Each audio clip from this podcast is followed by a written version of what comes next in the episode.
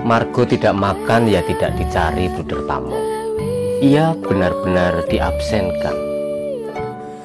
Pada jam makan, Margo isi dengan aktif menerjemahkan buku-buku. Ia makin mendapat tambahan uang dari bruder kepala sekolah.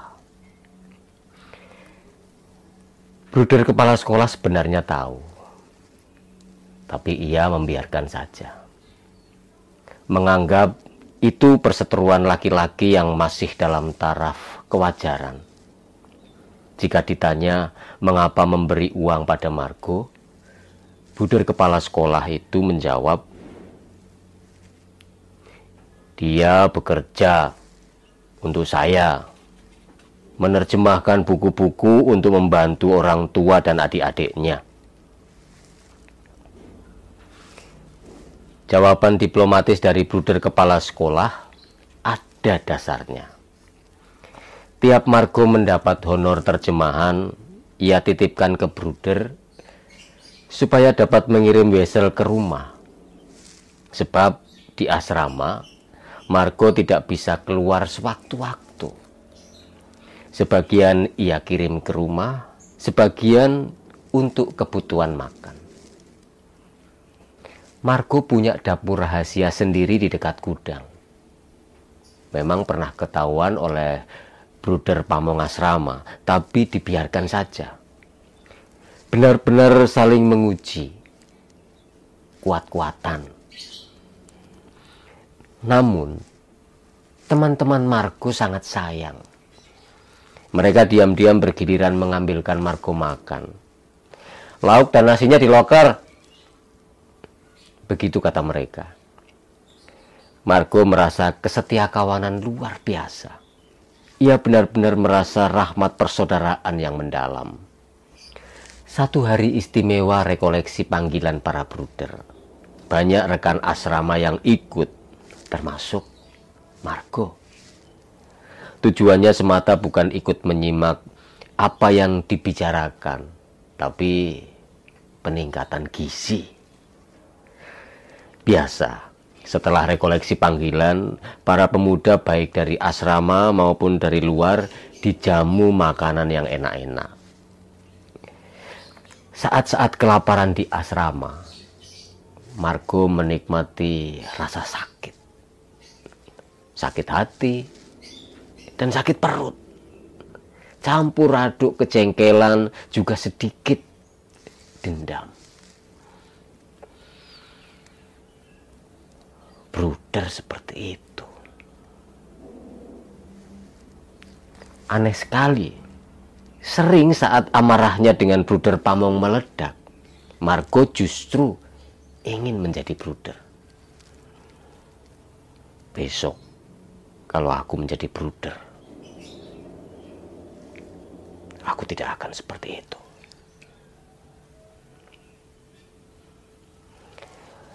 Panggilan Margo aneh. Justru dari perasaan tidak senang melihat sosok Bruder. Sebaliknya, ia juga menemukan figur-figur seperti Bruder Marianus dan Bruder Kepala Sekolah yang murah hati. Dorongan dari luar sangat kuat. Marco ingin membuktikan pada dirinya bahwa ia dapat menjadi bruder yang tidak seperti bruder pamong asrama. Saat screening tiba, Margo mendaftar masuk menjadi bruder guru. Ia tak bilang ibu, adik-adik, apalagi Mbah Wo. Semua tes ia kerjakan dengan serampangan kecuali bahasa Inggris. Margo hanya ingin menimbulkan efek kejut saja bagi bruder pamong asrama. Tidak dinyana, Margo diterima. Berita ini langsung cepat tersiar hingga sampai telinga bruder Marianus. Mendengar kabar gembira itu, bruder Marianus menelpon Margo lewat kantor sekolah. Bruder Insinyur Margo Sunario Istimewa sekali kamu. Hmm? Allah Tritunggal, Bunda Maria dan seluruh malaikat di surga pasti bersorak gembira. Akan ada bengkel jiwa-jiwa. Kata Bruder Marianus. Yang jelas hanya itu. Sinyalnya putus-putus, jaringan telepon masih belum kuat, masih terbatas gelombang kawat. Sebenarnya Marco masih ragu mau berangkat atau tidak. Ia tak punya motivasi mendalam selain pembuktian pada bruder Pamongasrama. Liburan kelulusan, ternyata ibu belum tahu atas diterimanya Marco di postulat bruder guru. Marco pikir bruder Marianus sudah cerita. Ternyata bruder menganggap Marco sudah dewasa. Tahu waktu kapannya mengutarakan hal serius pada orang tua. Marco takut-takut bicara saat pulang ke rumah. Tarik ulur penuh kegamangan. Ia alihkan dulu pembicaraan dengan menunjukkan nilai kelulusan. Ibu tak begitu kaget. Marco sudah biasa dengan nilai-nilai seperti itu sejak di sekolah rakyat dulu.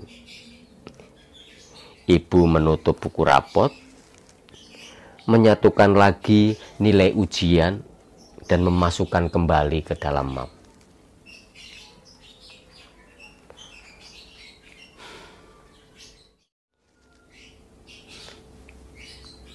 Tidak usah terlalu dalam mikirnya, Le. Hmm? Kalau mau jadi bruder guru ya sudah, dilakoni saja berat atau ringan ya harus dituntaskan.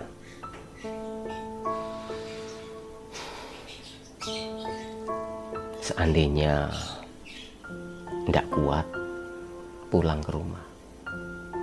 Kamu ini masih anaknya Simbo. Tapi harus eling juga. Kalau kamu anaknya Gusti Kang Nimbali, mesti ingat pulang lagi ke biara Mendengar teduh suara ibu, Marco terperangah. Ia belum sempat mengutarakan isi hatinya. Ibu sudah tahu.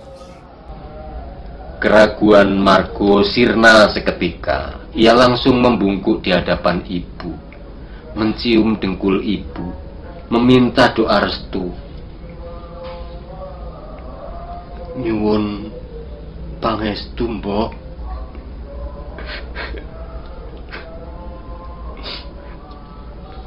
terburailah air mata Margo.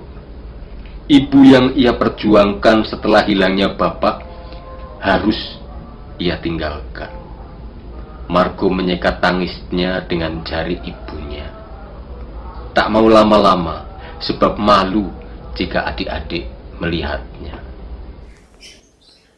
Bagaimana Simbok sudah tahu? Margo penasaran. Waktu kamu membantu Bruder Marianus mengisi pendampingan iman saat liburan, Simbo tahu.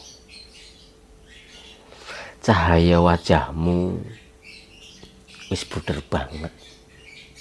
Mantap. Simbo sangat senang mendengar penjelasanmu. Tapi ya diterima di batin saja sambil nyenyuwun kalau diperbolehkan anak-anak ada yang jadi imam, bruder, atau suster. Tapi kok rasanya Simbo itu ya kamu lebih cocok jadi bruder guru. Keesokan hari Marco naik kereta pergi mengunjungi Mbah Wo. Satu tujuannya ia pun ingin meminta restu dari jenderal tanpa bintang itu. Bahwa menyambut baik niat Marco untuk mengabdi menjadi bruder guru. Seperti dirinya, menjadi bruder tak ubahnya pejuang. Berkarya hingga rela mati bukan untuk dirinya sendiri. Titik perpisahan telah tiba. Bahwa ibu dan adik-adik ikut mengantar. Bareng-bareng naik kereta, berjalan beriringan sampai di depan biara. Di depan pintu, Bruder Magister sudah menyambut. Hanya diberi waktu sebentar saja untuk pelepasan. Ibu menyerahkan satu tenggok jadah tempe kepada Bruder Magister. Wow, wow, wow, wow, banyak sekali ibu. Perut Marco tidak akan kuat makan seperti ini banyaknya. Celetuk Bruder Magister dengan gaya bahasa Indonesia Van Belanda.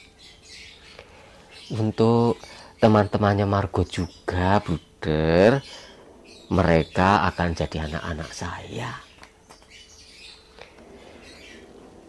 Sudah genap waktunya Margo akan ditinggal pulang. Bahwo membuka stagennya, mengambil kantong putih. Margo pikir itu jimat. Bahwa menjulurkan telapak tangan yang menggenggam kantong putih itu. Margo mendorongnya. Bahwa membuka isinya. Ini medali bintang sewindule. Tanda terima kasih negara untuk Simbah mempertahankan kemerdekaan Republik. Lanjutkan perjuangan pahlawan.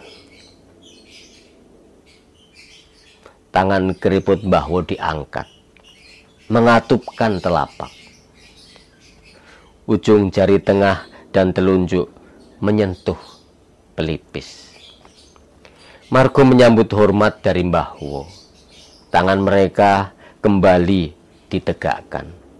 Margo memeluk erat sang kakek dengan segudang perbuatan mulia Sayangnya, Margo tidak bisa memberi Mbahwo lencana kemiliteran. Namun bagi Margo, Mbahwo tetap jenderal tanpa bintang. Sebab Mbahwo sendiri sudah menjadi bintang yang selalu menerangi langkah hidup Margo Sunario. Di momentum perpisahan itu, ibu mengucapkan kata yang sama.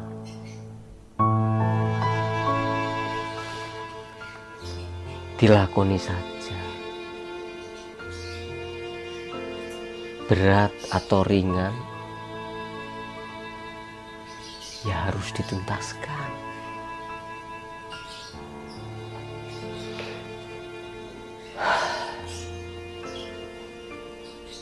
Seandainya tidak kuat,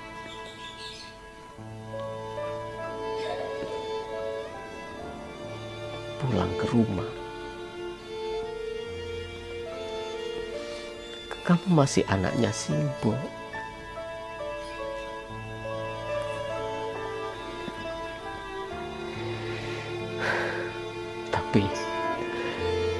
Eling kalau kamu anaknya Gusti Kang Nimbali. Mesti ingat pulang lagi ke biara. Ya.